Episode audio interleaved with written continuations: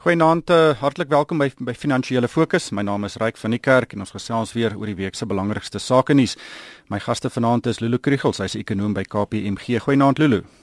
Goeienaand Ryk. En saam met my in die ateljee Theo Forster van Galileo Capital. Goeienaand Theo. Goeienaand Ryk, goeienaand Lulu.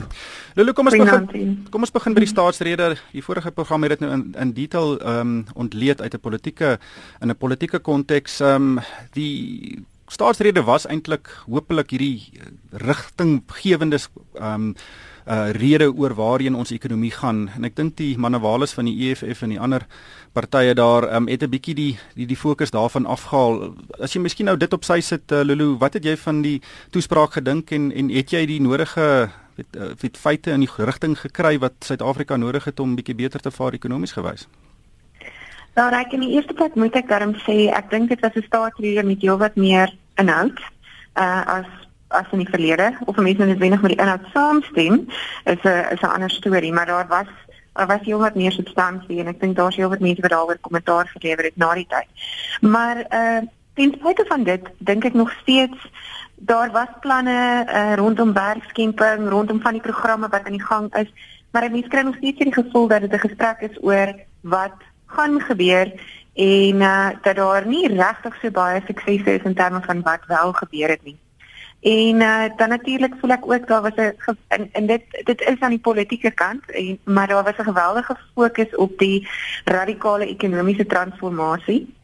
En wel ek dink as Suid-Afrika ons nog 'n lang pad om te stap om uh, om 'n omgewing te kry en om 'n ekonomie te kry wat beter verdeel is tussen arm en uh ryk tussen swart en wit ensovoorts moet 'n ou baie versigtig wees om net daarop te fokus want dit voel vir my so half dat die fokus daarop is in in steede daarvan oor hoe ons ekonomie gaan groei. En as 'n mens gaan terugkyk oor die geskiedenis, die jare waar die grootste ekonomiese transformasie plaasgevind het, was ook die tydperke wat die ekonomie die vinnigste gegroei het en ek voel so 'n bietjie dat dit 'n manier van van miskien die regerende party is om die die fokus net 'n bietjie weg te skuif van waar die probleme sit en na die skuld op iets anders te pak. Hmm. Om nie te sê dit is nie 'n probleem nie, ja, maar kijk, ja. Ek dink almal dink besef dat uh, ongelykheid in Suid-Afrika is een van ons grootste strukture, strukturele probleme. Ja. En en en Theo, ehm um, ek dink die term radikale ekonomiese transformasie is ook dit dit beskryf net wat veronderstel is om te gebeur. Ons het beleidsstandpunte om dit aan te spreek. Dit gebeur nie.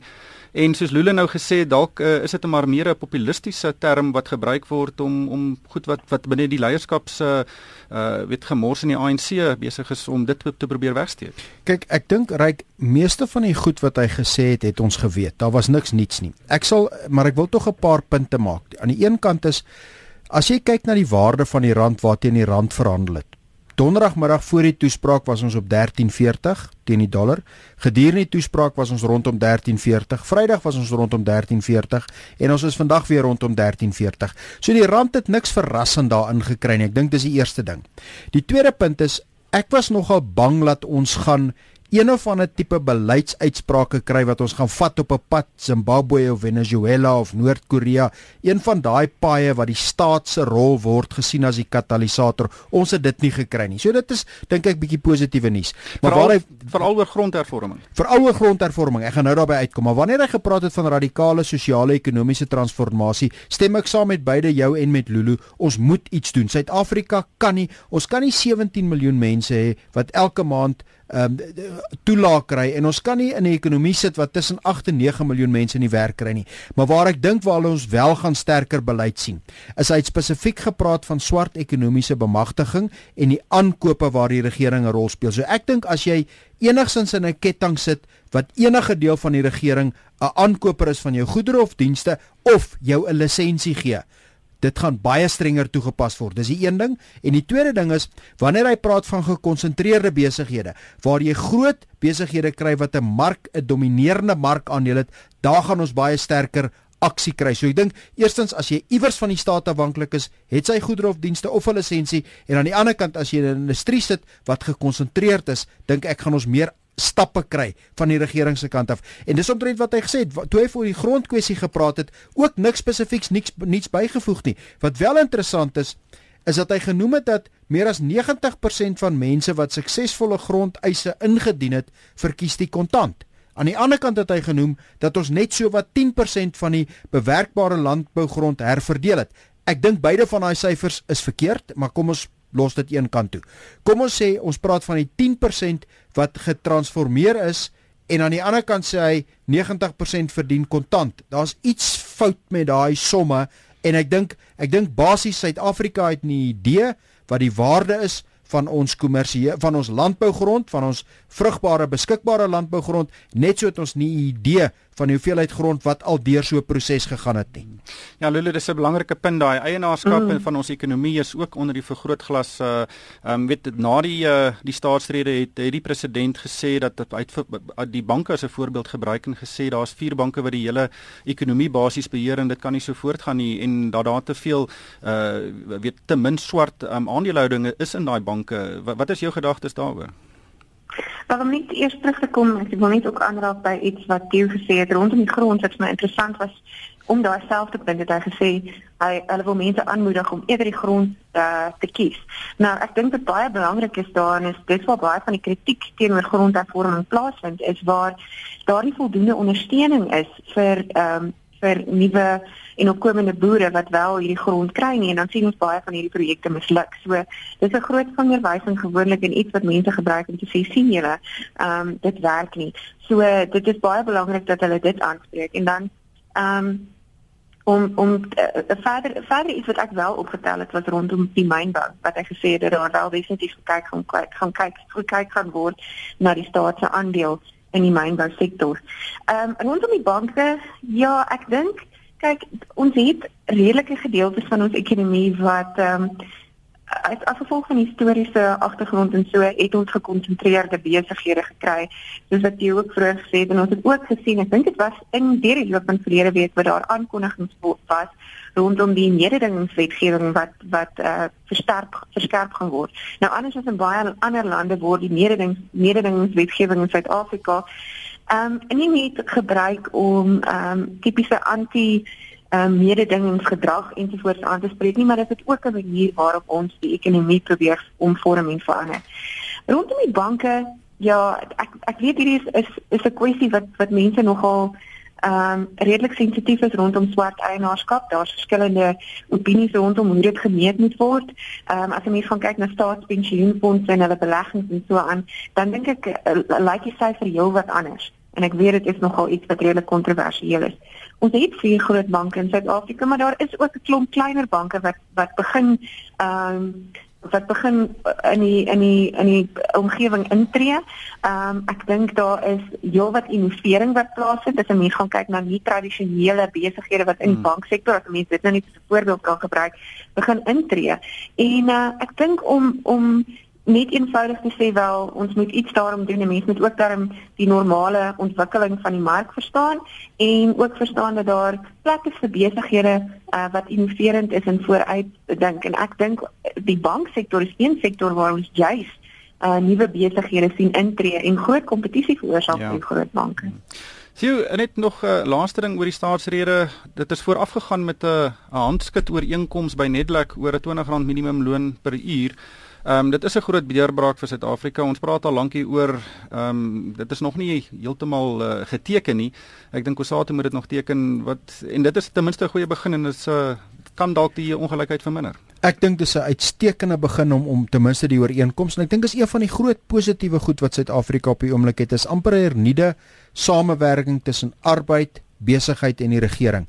Maar net op die keper beskou, R20 'n uur beteken ek dink is R3500 'n maand.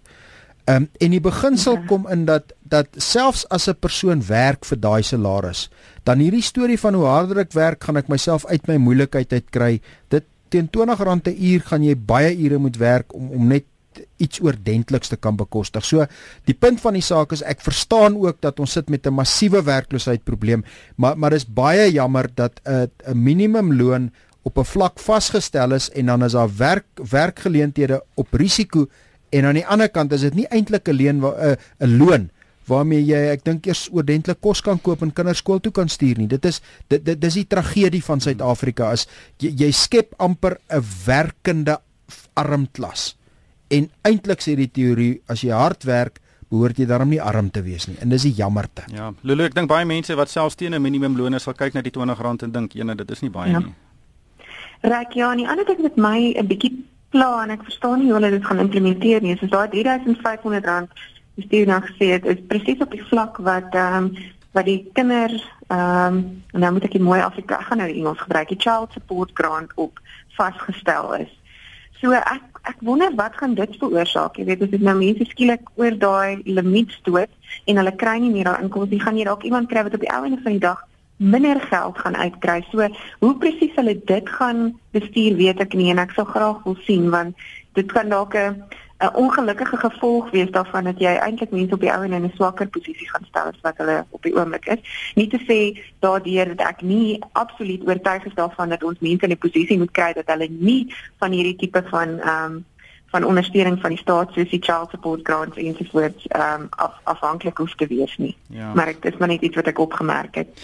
Kom ons gesels 'n bietjie oor toelaas. Ehm um, Theo uh, die Suid-Afrikaanse Agentskap vir Maatskaplike Sekerheid is bietjie in die moeilikheid. Hulle moes hierdie kontrak ehm um, herneem of 'n nuwe kontrakteur gekry het om die toelaas uit te betaal aan meer as 17 miljoen mense elke maand. Daai kontrak kom nou tot 'n einde uh, in Maart en uh en dit volg nadat die konstitusionele hof daai kontrak um gesê dis 'n onwettige kontrak en in 3 jaar het die departement niks gedoen nie en nou ewe skielik is daar 'n kans dat mense nie hulle toelaas gaan kry van 1 April af nie. Wel in 2014 het die konstitusionele hof gesê die toekenning van die kontrak was onwettig en dit ontklaar on, on, ontklaar verklaar. Nou het die het die, het die departement 3 jaar gehad en daai 3 jaar loop uit 31 Maart, die einde volgende maand. 17.2 miljoen mense kry hulle kontant via hierdie betaalstelsel. Dis net vir my skreiend dat as jy met die banke praat, sê die banke maar ons was nooit deel van gesprekke hierso oordentlik nie. Mm. Ons was te kort. Ehm um, as jy praat met die persone wat die wat die onwettige kontrak het, hulle gaan aan asof hulle nog steeds gaan aangaan. Die probleem is jy kan dit nie stop nie, maar ek dink dit is skreiend dat jy 3 jaar later moet konstitusionele hof toe gaan en sê ons kon nog nie 'n oplossing kry hiervoor nie. Dit is 'n dit, dit dit is baie negatief op die departement op die ministerie ehm um, en basies op op die land. Jy, jy kan nie jy kan mos nie 'n onwettige kontrak hê en dan jy 3 jaar om dit reg te stel en 3 jaar later sê o gats, ons kon dit nie regstel nie. Daar's mos iets iemand moet pak slaag kry. Die ander kant, ons kan dit nie bekostig dat op 31 Maart 17.2 miljoen mense het nie toegang tot hulle lewenskontant nie. Dit kan nie gebeur nie. So so ons gaan op eintlik op die einde gaan ons in 'n posisie wees waar die konstitusionele hof sê eers ons het vir julle gesê 3 jaar gelede, maar ons kan dit nie stop nie. Ehm um, en dit is nie waar hy wil wees nie. Ja, Lulu, dit sal 'n absolute sosiale ramp wees. Uh, genees gepraat van ekonomiese implikasies nie. Ja, ehm um, want ek meen daar is geweldig baie mense wat dit is nie net hulle wat die geld nodig het nie, maar ook as jy nou gaan kyk na wat verder met ekonomie ge ge gebeur, hulle spandeer hierdie geld op plekke en so aan, veral as jy kyk na die platteland. Maar uh, dit is absoluut as 'n mens gaan kyk na hoe die proses hanteer het, is dit skreiend. Ehm um, weer eens om nou terug te kom na die banke toe, daar's baie van hulle wat gesê het, soos die hoofkreet gesê het, ons was nie deel van die proses nie, ons kon ehm um, moontlik ingetree het hier daar is goed wat ons kan doen. Dit is 'n geweldige komplekse proses en uh dis as 'n mens moet gaan kyk na hoe dit alreeds in die verlede uh sprake was van korrupsie. Nou is daar nog 'n verdere wolk van korrupsie wat hier oorhang en dis die laaste plek waar 'n mens voel daar daar moet korrupsie wees. Dis daarom nou die een plek waar 'n mens voel dinge moet reg gedoen word. Ja, absoluut.